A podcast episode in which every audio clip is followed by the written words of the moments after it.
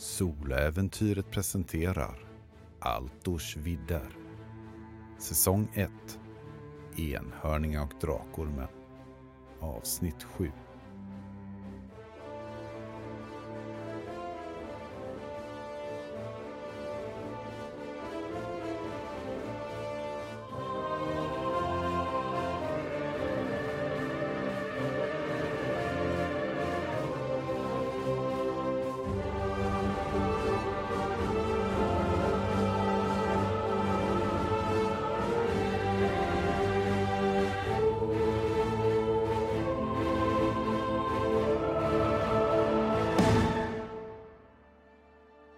Kasims rykte har börjat växa. Han har sett till att öldrickandet har stoppats här i Gråborg och på så sätt förhindrat ett gift att spridas bland stadens invånare. Någon hade förgiftat brunnarna och det fanns en död kropp i ölmagasinet. Som om inte det vore nog så hade någon mördat Pakoder och de andra Aniak-munkarna. Det är något ruttet här i Gråborg. Och förhoppningsvis kan Kasim och den nya armén se till att det rensas ut. Kasim, du befinner dig nu i ett rum på den döda tuppen tillsammans med ett par andra män. Du befinner dig här med Otho, din general. Och du befinner dig här även med Ebboltar, den man som du har sett på värdshuset vid ett flertal tillfällen. Men du är också här med Abrahim Stenklo, den nya arméns grundare. Abrahim är en krigare. Det syns på hans åtskilliga år av fysisk träning. Han är lång och kraftig och går med en rak stolt rygg. Hans svarta hår är flätat i nacken och han har en väldigt vacker mustasch som hänger långt ned över mungiporna. Ansiktet är väderbitet och de två mörka ögonen har ett lätt vilt uttryck. Han ser gammal och vis och allvarlig ut. Och han har just slagit sig ned och stirrar med blicken på dig, Kasim. Otho här säger att du har viktiga saker att lägga fram till oss. Så Kasim var det. Eh, ja, herr Stenklo. Mitt namn är Kasim, eh, nummer 223 i den nya armén. Jag ger henne lätt, eh, ja nästan som en, inte en, en bock, ja nästan som en bockning kanske, att jag visar respekt jag har kommit över information av en slump och eh, i mitt huvud så snurrar det med eh, morgonens händelser. Och sen så sprang jag på det här hemska mordet och förgiftningar. Det, ja, förlåt. Jag... Eh, låt oss börja där jag tror det är viktigast just nu. Igår så kom jag över ett brev som kom från baron Rikov. Han, det hade i alla fall hans sigill och jag presenterade för generalen här och eh, i den stod det en att eh, i övermorgon så skulle eh, vi möta någon, möta någon drömkvinna och så siffra 93B om receptet. Ja, ni har säkert fått se brevet. Och ja, det är ju dag eller natt som är övermorgon. Och det här med drömkvinnan har vi kanske tänkt att det kan vara Bulgov-templet eller gudinnan för det templet. Det är jag inte väldigt kunnig i men ja, i alla fall. Det är någonting vi måste titta närmare på och mer akut i morse när jag eh, skulle gå en runda i Gråborg för att leta efter min försvunna vän Narl. Så eh, gick jag förbi Gåstorget och eh, ja, hela den historien med eh, den förgiftade råttan och mordet uppe i Aniak-templet rullades ut då. Och ja, nu sitter vi här och jag behöver väl råd. Vad, vad kan jag hjälpa till med? Och, eh... Berätta mer om dina fynd idag. Ja, som sagt, när jag kom till Aniak-templet för att eh, där kan det finnas då eh, Fader Pakoder är ju giftkunnig. Och eh, då var lågan släkt och han, eh, ja, han hade mördats på ett gruvligt sätt. Eh, hade ett meddelande instucket i ryggen att eh, vi inte skulle lägga näsan i blöt. Eh, och jag kunde inte låta bli att lägga märke till att färgen på det bläcket var rött. Precis som i, precis som i baron Rikovs brev. Ja, och eh, jag började fundera lite grann på det här med förgiftningarna och mindes då att vid Gåstorgets brunn så fanns det hjulspår av eh, en ganska stor vagn som jag, jag mindes att vagnet med ölet kom in och då började tankarna snurra. Så vi, eh, eh, eller jag då började eh, försöka ta reda på om, om det förutom att brunnarna skulle kunna varit förgiftade, även ölet var förgiftat, vilket var, var fruktansvärt eftersom man hade ju väntat på ölleveransen och eh, det skulle väl bli en ganska blöt kväll jag tog mig till ölmagasinet och tog mig in. Där inne fann jag en död man. Uppsvälld lik som råttan fast mycket värre. Och det visade sig då att eh, han hade väl druckit av den här eh, förgiftade ölen.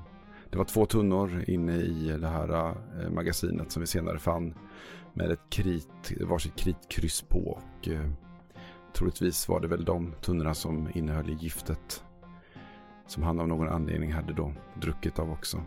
Och det rapporterades om två försvunna stadsvakter som vi sedan fann i en tunna i ölmagasinet också. Mördade under sitt pass och eh, nedtryckta i en tunna. Det är fruktansvärt. En detalj som kan vara viktig är att den här mannen som låg i ölmagasinet hade en klackring med en, eh, en drakorm på.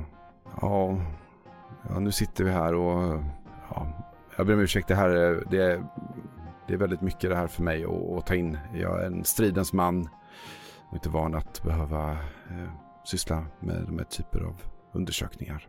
Men trots det så känns det som du har gjort gott, säger Abraham. Det här är intressanta saker och det får mig att oroas djupt. Du är inte den enda som har kommit till mig med en varningens ord om saker och ting som vi bör frukta. Du kan se hur han vrider sin eh, blick bort emot Ebb Boltar och han verkar göra en gest åt denne att eh, tala öppet. Och Ebb Boltar harklar sig lite och säger jag har kommit hit för att trakten hotas av en, Eh, jag skulle inte vilja säga man, mm, utan av en ondska. Och det här, det du säger om budskap skrivna i rött bläck, det får bara det att bekräfta mina misstankar att den ondskan är här. Hur menar ni? Är det inte en man? Är det en... Jag tittar mig om i rummet liksom lite oroligt. För mörka krafter är ju ingenting man vill ge sig i kast med. Parikila. Omurtag. Var. Ja. Han är son till Onabys. Själaätaren en demon knuten till den röda månen. Han, ja, man skulle väl kunna kalla honom för en halvdemon. Han har ärvt några av Onabys demoniska förmågor och han måste förtära själar för att överleva. Han har vandrat här under många år Och han sprider ondska där han vandrar. Han leder en kult som kallas för Stjärnaläran. Och de brukar sända budskap till varandra i rött bläck. Det förefaller som baron Rikov har gjort en pakt med Parikila. Om jag får ställa en fråga här. Att går, går Parikila att äh, dräpa med, med svärd eller krävs det andra förmågor för det? Parikila går att dräpa med svärd, våld, magi, kraft och styrka. Men han är en hal ål. Jag har sökt efter honom länge, men jag har inte funnit honom. Varje gång jag är nära så försvinner han igenom det nät jag lagt ut. Problemet ligger snarare i att få tag i honom. Finns det en möjlighet att, eh, jag vet inte om det är en strategisk bra väg att gå, men om baronen dräptes skulle inte den här pakten upplösas då? Och Gråbar skulle kunna få vara i fred? Du kan se hur Abraham nickar och säger vårt mål är ju att eh, ta hand om baronen. Eh, men vi väntar fortfarande in mer styrka. Bara halva truppen av eh, legosoldaterna har anlänt. Vi väntar fortfarande på den andra innan vi kan tåga mot baronen. Men eh, då tiden är inne så kommer vi absolut agera däremot. Det förefaller mig dock nu som att baronen smider planer i skuggorna för att försöka söndra oss inifrån. Och jag gissar på att det är där den här Parikila agerar. Men vad bra. Jag vill bara lämna det öppet att eh, det finns två sätt att lösa det problemet. Även om Parikila är kanske det vi ska fokusera på. Att eh, om vi hittar en öppning att komma nära baronen. Och då menar jag inte att en armé ska tåga in utan med list kanske. Att i skuggorna komma åt honom så skulle det kunna vara en väg. Ja, har du några förslag på den fronten så är jag öppen för det. Men tyvärr har inte jag de resurserna nu.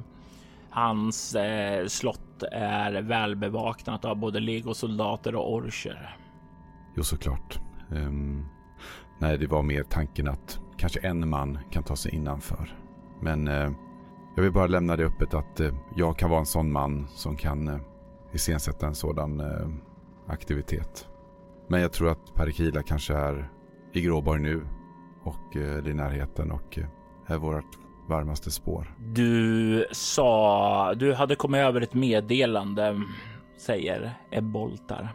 Vad sa meddelandet? Ja, eh, såklart.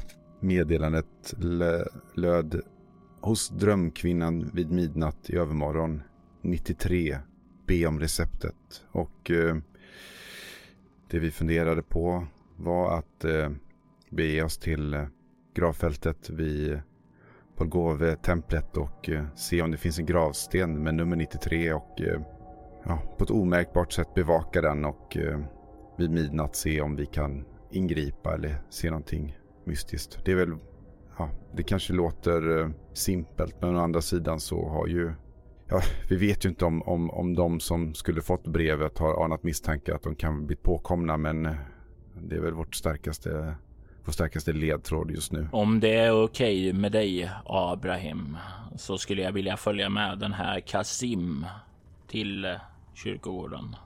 Och du kan se hur Abraham bara nickar åt det. Gott. Jag tror att det är ett sätt att få mer information om stjärnläran här i trakten. Kanske till och med att eh, hugga av några av dess huvuden. Jag har ett förslag. Jag är övertygad om att vi har ögon på oss. Om vi på något sätt skulle kunna, kanske inte maskera oss, men eh, ikläda oss någon annan typ av kläder när vi rör oss mot Volgove-templet eh, så skulle det nog ligga till vår fördel. Har du några idéer om vad för kläder som skulle passa? Säger Otho.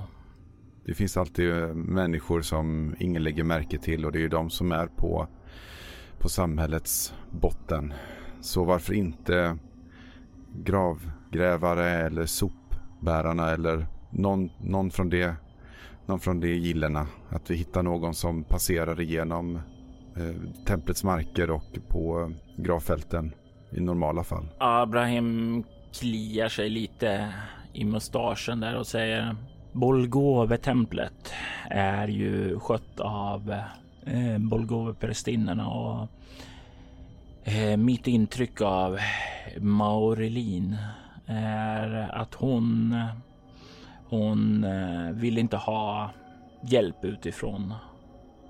Hon har blivit mer skygg på sistone. Det, jag tror det blir svårt att eh, smuggla in folk så. Men det är inte så att vi kan, eh, vi kan agera som någon, några som ska be, besöka en grav. Vi kanske kan ta reda på någon, någon grav som eh, tillhör någon eh, som inte har någon familj i, i staden kanske och eh, vi är långväga hit för att se om vi kan hitta den. Det skulle väl gå, säger Otho. I alla fall under dagen, men inte under kvällen. Nej, men det, det jag, jag tänker att vi, vi behöver rekognosera på, på dagen och i, i dagsljus för att kunna ja, göra en strategi hur vi gör på, på kvällen.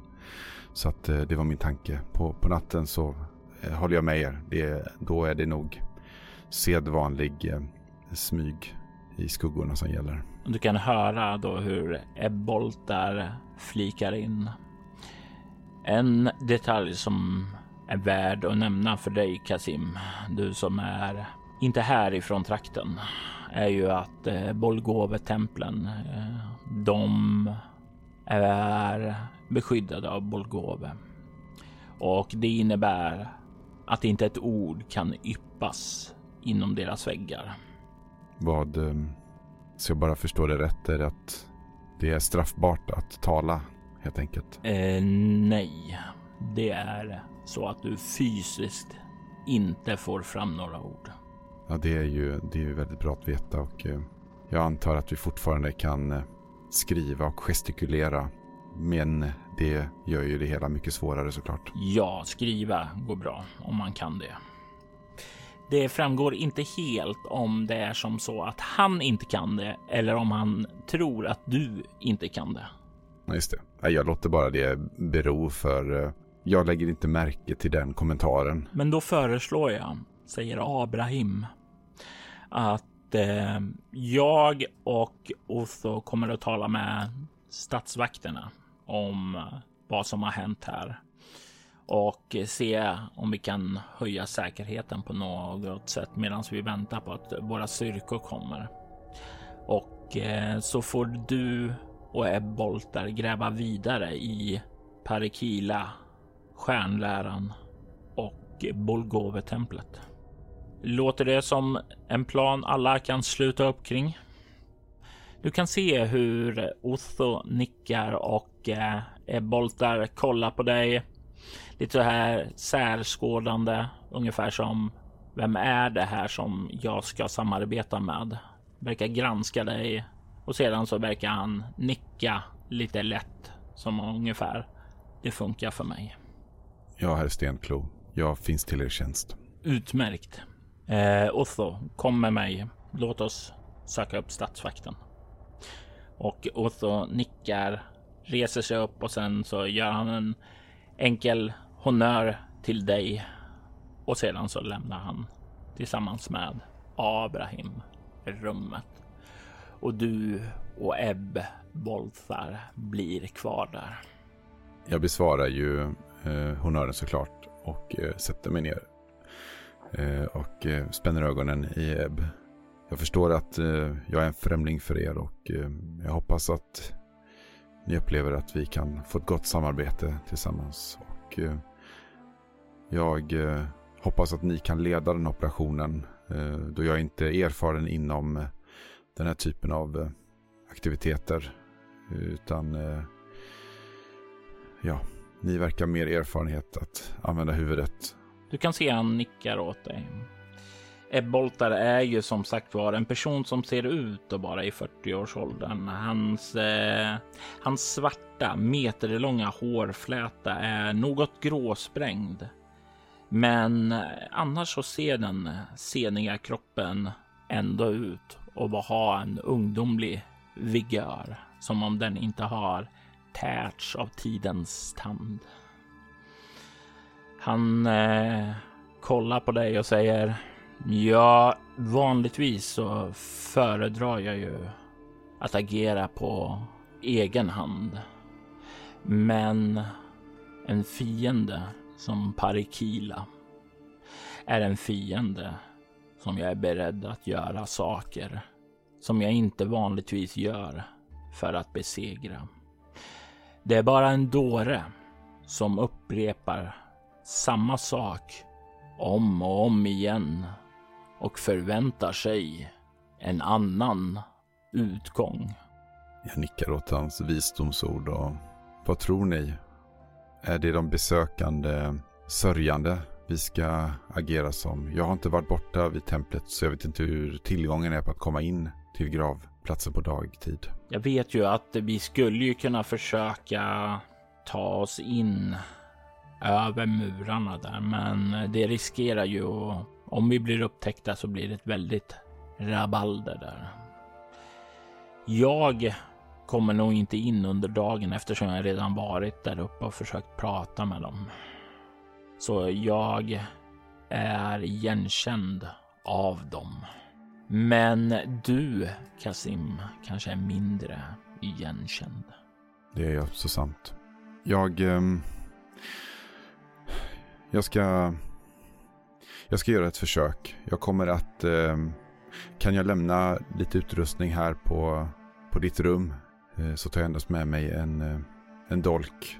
Så inte mina vapen syns. Och sen så förklär jag mig lätt genom att eh, förklä mig i enkla kläder. Så att eh, ingen tittar på mig. Så ska jag gå dit och rekognosera i alla fall och se om det går att ta sig in på dagtid utan att väcka uppmärksamhet. Eh, lämna det du behöver här. Det är visserligen inte mitt rum, men jag kan se till att förvara dem. Stort tack. Och eh, när jag har rekognoserat så kommer jag omedelbart tillbaka hit så kan vi, kan vi dra upp en plan för vad vi gör ikväll. Han nickar bara åt det. Jag planerar att eh, egentligen, eh, dels så ska jag inte ha på mig några identifierbara klädtyger och så. Som huvan och ja, alla de bitarna, ingen sköld, inget svärd. Men jag har med mig liksom en, en, en dolk, liksom en kniv. Mest för, för en trygghet.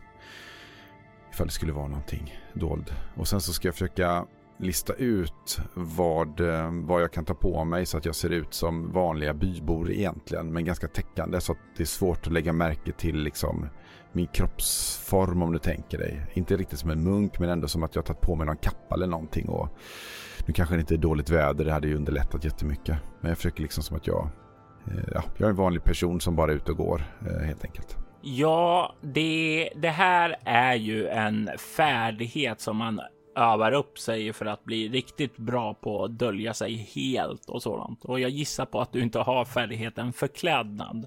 Nej. Så det handlar ju mest om att bara ta, så det blir väl, så det resultatet du mest kan få är väl att maskera att du inte tillhör nya armén och, utan snarare en typ av yrkesgrupp och sådant där. Eller ja, folkgrupp ska vi säga. Så det är väl vad jag är mest intresserad av att höra. Eh, vad det är för grupp som du... Vilka rör sig på eh, gravområdet? Jag förstår att det, den är ju omgärdad med mur så då finns det ju en eller flera grindar. Eh, det, det sker ju trädgårdsskötsel där gissar jag. Eh, sen finns det ju såklart prästerskap och sånt men det tänker jag inte ens försöka. Men någon av de här, eh, som, som jag sa förut, som jobbar med eh, forsla bort avfall eller jord eller liksom gravgrävare eller liknande. Lite den typen av hård, hårt arbetande. Mm, det vet du ju inte, så då behöver du ta dig upp dit och liksom ta röra dig omkring och göra en span på. Och det tänker jag att du får slå ett finna dolda tingslag för i sånt fall. Mm. Men det kan jag göra. Så det, det, jag gör är egentligen att jag tar av mig, för det jag gör nu är bara att man inte ska se att jag kommer från nya armén, precis som du sa. Eh, har någon, känner, är det någon som har sett mig tidigare så kommer de känna igen Kasim såklart. Men jag försöker liksom vara, inte uppenbart, Utan jag tar en, slår en lov runt hela det området. För att eh, ta reda på hur det ser ut. Ja. Då slår jag en fina dolda ting här nu då. Jag slår väldigt dåligt. Jag tror att jag är ganska... Jag är, ganska, alltså jag är lite nervös nu för det har hänt väldigt mycket på kort tid där nu. Så att jag, jag rör mig nog inte helt... Jag, jag är mer fokuserad på att röra mig diskret än att titta. Så att jag ser nog bara det mest uppenbara. Och det är ju då det mest uppenbara är ju att du ser Bolgove prästinnor som rör sig här inne i eh, kåpor och så. Och det innebär ju att du har en väldigt, väldigt begränsad eh, urval på personer egentligen du kan maskera dig som för att smälta in det. Hur ser det ut med, hur hög är den här muren? Är det liksom en, en hög mur som man måste verkligen anstränga sig för att klättra över? Nej, ja, du måste anstränga dig, men det är inte en jättehög mur. Du måste lyckas med ett klättrarslag. Ja, just det. Men om man klättrar så är man ju, man syns liksom. Det är inte så här, det är inte bara ett skutt, utan det är kanske två meter eller något sånt där. Så det liksom ja, precis. Finns det, vilka typer av ingångar ser jag när jag går runt? Eh, finns det sådana grindar som är låsta eller finns det liksom bakdörrar eller något sätt? Eller är det en det, det, när du kollar där så finns det ju troligtvis ingång via byggnaden eh, som finns där. Och då om du kollar längst ned till vänster, det är där själva kyrkogården är. Där i det eh, huset som finns där nere, som eh, muren är inbyggd i. Där kan man komma in genom själva templet, men det finns också en grind precis vid det. Så det är bara där som ingångarna finns. Det finns inte någonstans runt de andra eh, murarna. Just det. det är byggt för att ge en avskild stillsamhet för de döda. Eh, och jag ser några, mm, eh, ser någon typ av arbetande personer som, som rör sig. Nej, du ser bara prästinnor där inne. Eh, genom de här grindarna kan jag skönja hur, hur ser jag de här gravarna, alltså gravstenar och sånt. Är det liksom det finns ett system liksom, eller rader med gravstenar så jag kan... Det är rader med gravstenar, men du får ingen närmare titt på själva gravstenarna i sig. Ja, det, det låter ju som att eh, vid, vid i skydd av mörkret ta sig över muren liksom. Det, det blir väldigt svårt att rekognosera och jag vill inte väcka någon som helst uppmärksamhet nu. För jag vet ju inte om jag har ögonen på mig och jag vet ju inte de här eh, prästinnorna vad, vad de vem de stöttar. Det går inte att lita på någon i, i Gråborg egentligen.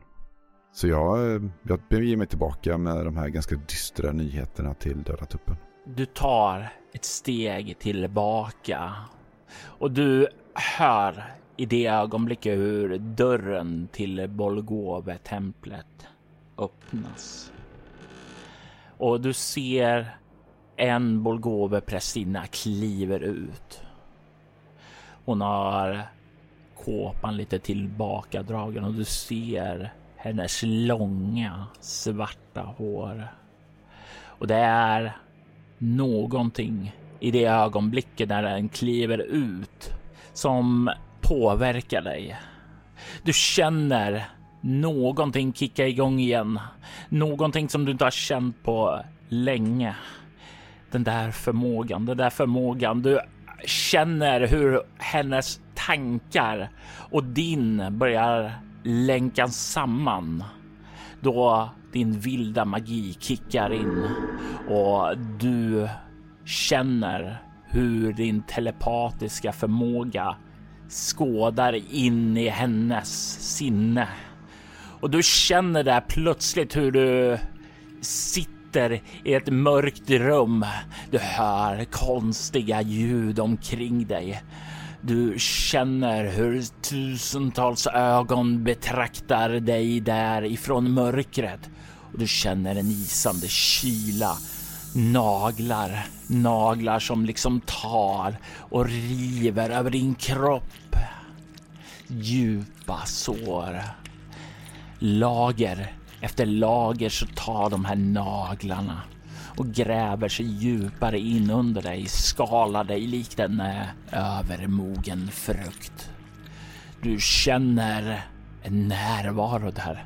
En närvaro som inte är mänsklig och i nästa ögonblick så bryts den här förmågan. Och du kan se att hon börjar kolla sig runt som hon känner av någonting. Vad är din första impuls när det här sker? Jag försöker att inte, alltså det, det är en känsla jag har haft Eh, för länge sedan eller inte nyligen i alla fall. Och, och jag är medveten om att den här personen som kommer ut har ju på något sätt påverkat eh, den här förmågan jag har. Och, eh, så jag försöker verka oberörd. Eh, men samtidigt så tittar jag på henne. Och eh, ja, söker ögonkontakt för att se, känna efter om det kommer mer. Liksom. Är det, finns det något mer? Vad är det som händer? Du kan se när du möter hennes ögon att hon möter dina. Och du kan se att hon lägger huvudet lite på sned, verkar betrakta dig. Och sen så börjar hon gå med snabba steg emot dig. Och sedan är det som ett ögonblick försvinner och hon är 15 meter ifrån dig. Eh, jag lägger handen på min eh, dolk jag har med mig och är beredd att om det händer någonting så kommer jag att liksom hugga eh, liksom som en som en reaktion ifall jag känner att hon, jag känner mig hotad. Det är ju djupt obehagligt det här. Men eh, samtidigt är jag väldigt fascinerad över vad det är som pågår. Du kan se hur hon stannade 13 meter ifrån dig. och sen så håller hon upp handen och du hör hur hon uttalar någon form av ord och i nästa ögonblick så försvinner hon. Hon är borta. Jag eh, tittar mig runt omkring och eh, lämnar platsen i snabb takt. Jag springer inte men jag eh, skyndar mig. Jag vill att du slår ett över upptäcka faraslag. Eh, tio och upptäcka fara har jag ju som sagt tio. Du känner känslan av att vara iakttagen och förföljd när du börjar röra dig in mot staden och den verkar inte släppa. Jag, eh, jag är övertygad om att hon är... Eh, hon, har gjort, hon har gjort det på något sätt att jag inte kan se henne. Och hon kommer förfölja mig. Eh, och jag tänker att jag ska ta med henne någonstans där jag är lite mer i kontroll. Så att jag kommer eh, gå mot eh, eh, Gåstorget. Men jag kommer inte stanna upp vid Döda tuppen utan fortsätta norrut runt och mitt mål är att ta mig till Aniak-templet. Ja, du vet ju var det ligger och det är inga problem att röra sig dit överhuvudtaget där. Eh, vad är ditt mål när du kommer fram dit? Eh, jag kommer ju eh, gå in i byggnaden och eh, sedan kommer jag ju då ja, tilltala eh, ut i luften liksom. För att jag är övertygad att hon kommer följa efter mig. Men jag vill göra det på avskild plats. Innan du kommer dit så vill jag att du ska göra ett magiskt motstånd. Ja, vad trevligt. Hur gör man det? Eh, det är ett slag på motståndstabellen mot den här personens eh, psyke. Vad har du i psyke? Jag har 10 i psyke. Och den här personen har 25 i psyke. Det innebär att du ska slå en tärning och slå ett på den. Eh, är det nu man kan använda hjältepoäng eller vad är de till för? Du skulle definitivt kunna använda ett av ditt hjältepoäng. Det innebär att du får en förbättring med ett steg. Att ett misslyckat slag blir ett lyckat, ett lyckat blir ett perfekt och ett perfekt blir ultraperfekt. Ja, just det. Så jag kan börja med att slå för att se vad jag får helt enkelt. Det är okej? Okay, Nej. Nej, jag måste bestämma innan. Så ja. om jag misslyckas så kommer jag då lyckas menar du då? Eller är ett ett perfekt? Ja, precis. Eh, om du slår ett misslyckat, det vill säga 19 till 2 så är det ett misslyckat. Eh, då blir det ett lyckat för dig om du spenderar en hjältepoäng. Ja, just det. Det är bara 20 jag inte ska slå helt enkelt då. Ja. Eh, och om jag råkar slå ett nu så får jag ett. Ja, just det, då får jag ännu bättre. Ja, men jag spenderar ett hjältepoäng. Jag liksom, eh, medan jag går där eh, så är det ju som att eh, det susar ju liksom lite i öronen på mig och jag eh, eh försöker liksom verka, ja, jag skyndar mig så att hon, eh, för hon, jag vet ju att hon förföljer mig så jag ska verka stressad som jag är tillbaka till liksom min, min ursprungsbas liksom att jag tittar mig lite runt omkring precis som jag tar en sväng in på någon gränd och så går ut en annan väg och ja, inte teatraliskt, men, men, men mer att jag eh, verkligen kollar så ingen förföljer mig. Men jag vet ju att det är en teater för henne då, för hon, hon ser mig uppenbarligen. Och någonstans uppåt eh, språkgården där så eh, sker ju den här, eh, det här slaget då. Och jag spenderar hjältepoäng. Jag fokuserar. Eh, så jag slår en fyra vilket innebär att jag då får bara ett lyckat helt, helt enkelt då. Och så drar jag bort en hjältepoäng. Och besvärjelsen som hon kastar mot dig, tankeläsning för att ta reda på dina tankar, misslyckas. Det är någonting i ödet som förhindrar henne från att penetrera ditt sinne. Hon är så van att aldrig möta motstånd, men här är det en person som står emot det och det gör henne ännu mer intresserad. Du kommer in i templet. Du kan ju se att det är ju igenstängt, men det är inte bevakat av vakter längre. Tar du dig in via bakdörren eller den vanliga dörren? Jag går faktiskt via bakdörren så att inte jag ska bli störd för tidig så att säga. Så att jag, jag går och liksom innan jag eh, av naturliga skäl och så tittar jag mig omkring innan jag öppnar bakdörren nu. Om den fortfarande är olåst så känner jag ju på den då. Och i så fall så jag går in och eh, lämnar den. Eh, eh nej, jag stänger den faktiskt. Alltså jag drar till den men jag låser den inte såklart. Och därefter rör du dig ut i... Ut i den stora salen där flamman är. Eller fanns. Ja, den är ju fortfarande släckt, men tack och lov så är ju kropparna undanstädade nu. Det är mörkt här inne eftersom dörrarna är utestängda. Tänder du en av lyktorna? Jag tänder inte en av lyktorna. Då kommer du ha CL minus 3 på alla former av fysiska aktiviteter här. Mm. Men detsamma gäller för andra också. Precis. Du är där inne i mörker och du känner en närvaro här inne tillsammans med dig. Jag eh, stirrar väl på den här uh, platsen. Jag vet att den här solen, solsymbolen finns och så ut i rummet att jag tror inte vi har presenterats för varandra. Mitt namn är Kasim. Kan du visa dig eller är du för feg för att möta mig? Du kan höra en röst några meter bakom dig som säger. Åh, oh, Kasim. Så trevligt att träffas. Mitt namn är Maurelin. Jag har hört om er. Ni är eh, prästinna i Bulgove-templet. Ja. Och nej. Jag vänder mig långsamt om och jag tittar rakt fram i mörkret och så. Och när du vänder dig om så kan du ju se konturen av henne. Var det orsaken till att ni följer efter mig? Har jag förargat er på något sätt? Vad gjorde du här hos oss? Varför skådar du in i denna kropp? Varför kränker du mig? Jag eh, Eh, stammar lite på orden först när jag ska liksom formera att jag vet faktiskt inte.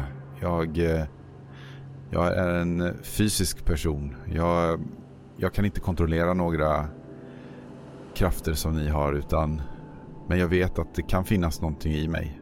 Och jag vet att min ärlighet nu sätter mig i en väldigt farlig situation men jag tror att eh, ja, antingen så kan du vara en allierad och vi kan lösa ett väldigt svårt problem tillsammans.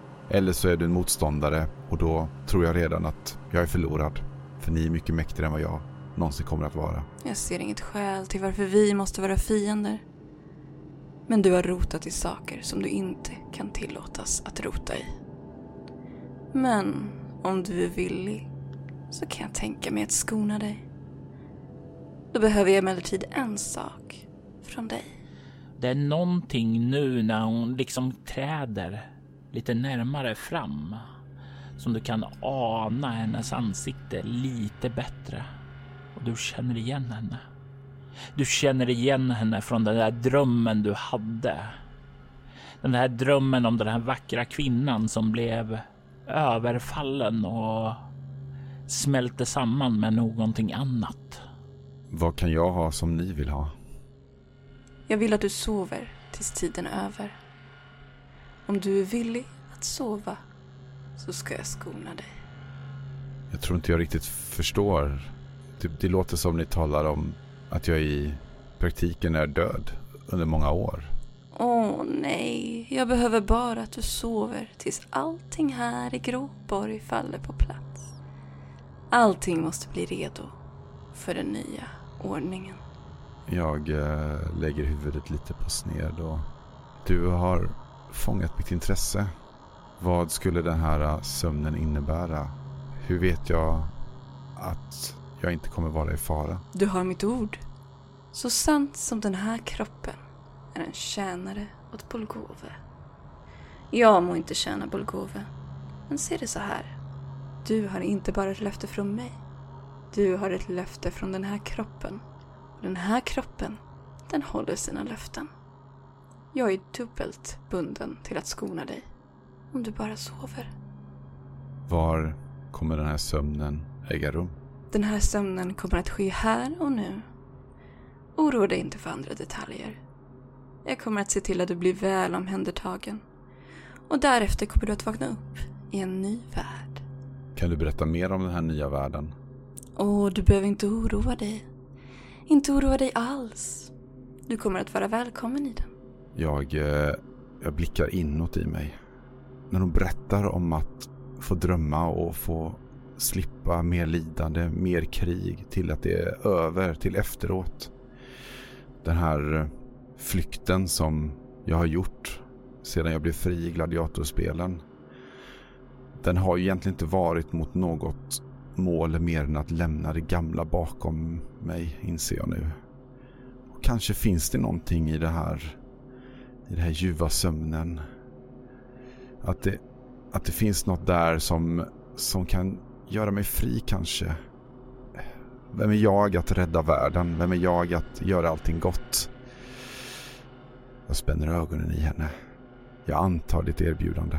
Du kan se att hon ler, Utmärkt säger hon. Och sen så börjar hon kliva fram emot dig. Och hon kommer tre meter ifrån dig. Två meter ifrån dig. En meter ifrån dig. Stannar där och börjar sakta föra upp sina händer mot dina kinder för att fånga dem i sina händer. Låter du henne göra det? Ja, Och i nästa ögonblick så är du där i mörkret med de tusentals ögonen som stirrar på dig. Och du känner att de börjar skrida närmare mot dig. Du känner dig som ett jagat villebråd som är på väg att bli mat. I detta avsnitt hör vi Jörgen Niemi som den ärrade gladiator Kasim och Amanda Stenback som Maurelin. Spelledare var Robert Jonsson som även stod för ljudläggningen. Avsnittet klipptes av Kvarnberg Productions, ett företag som bistår dig med allt ifrån att hjälpa dig att starta upp en podd till att klippa och producera den. Du hittar dem på kvarnbergproductions.com och länkar till deras kanaler hittar du i avsnittets inlägg. Enhörningen och Drakormen var ett av äventyren som följde med i Erebaltor-boxen som släpptes 1989. Altors Schwiders temamusik gjordes av Andreas Lundström medan övrig musik i detta avsnitt gjordes av Arjen van Ziegler, Aski, Dead Melodies, Derek and Brennan Fischer och Randall Collier Ford. Dead Melodies och Randall Collier Ford tillhör Cryo Chamber som är känd för sin fantastiskt stämningsfulla ambienta musik som passar perfekt till dina spelmöten och rekommenderas varmt. Länkar till dem och de andra artisterna hittar du i avsnittets inlägg. Altors Vidd är en spin-off-podd av Soläventyret, en rollspelspodd där du kan höra skräck och science fiction spelas i form av rollspelen Bortom och Leviathan. Du hittar mer information om båda poddarna på bortom.nu. Du kan följa oss på Instagram och Facebook som Altors Vidder eller Spela Bortom. Det går även bra att mejla oss på infoatbortom.nu. Vill du stödja Roberts fortsatta kreativa skapande kan du göra det på patreon.com Robert Jonsson. De som backar får tillgång till material i form av extra poddar och statusuppdateringar. Jag är Jörgen Niemi. Tack för att du har lyssnat. Vi vill ta tillfället i akt att tacka, hylla och hedra våra Patreon-backare. Martin Stackelberg Ty Nilsson. Daniel Pettersson. Och Daniel Lantz. Tack.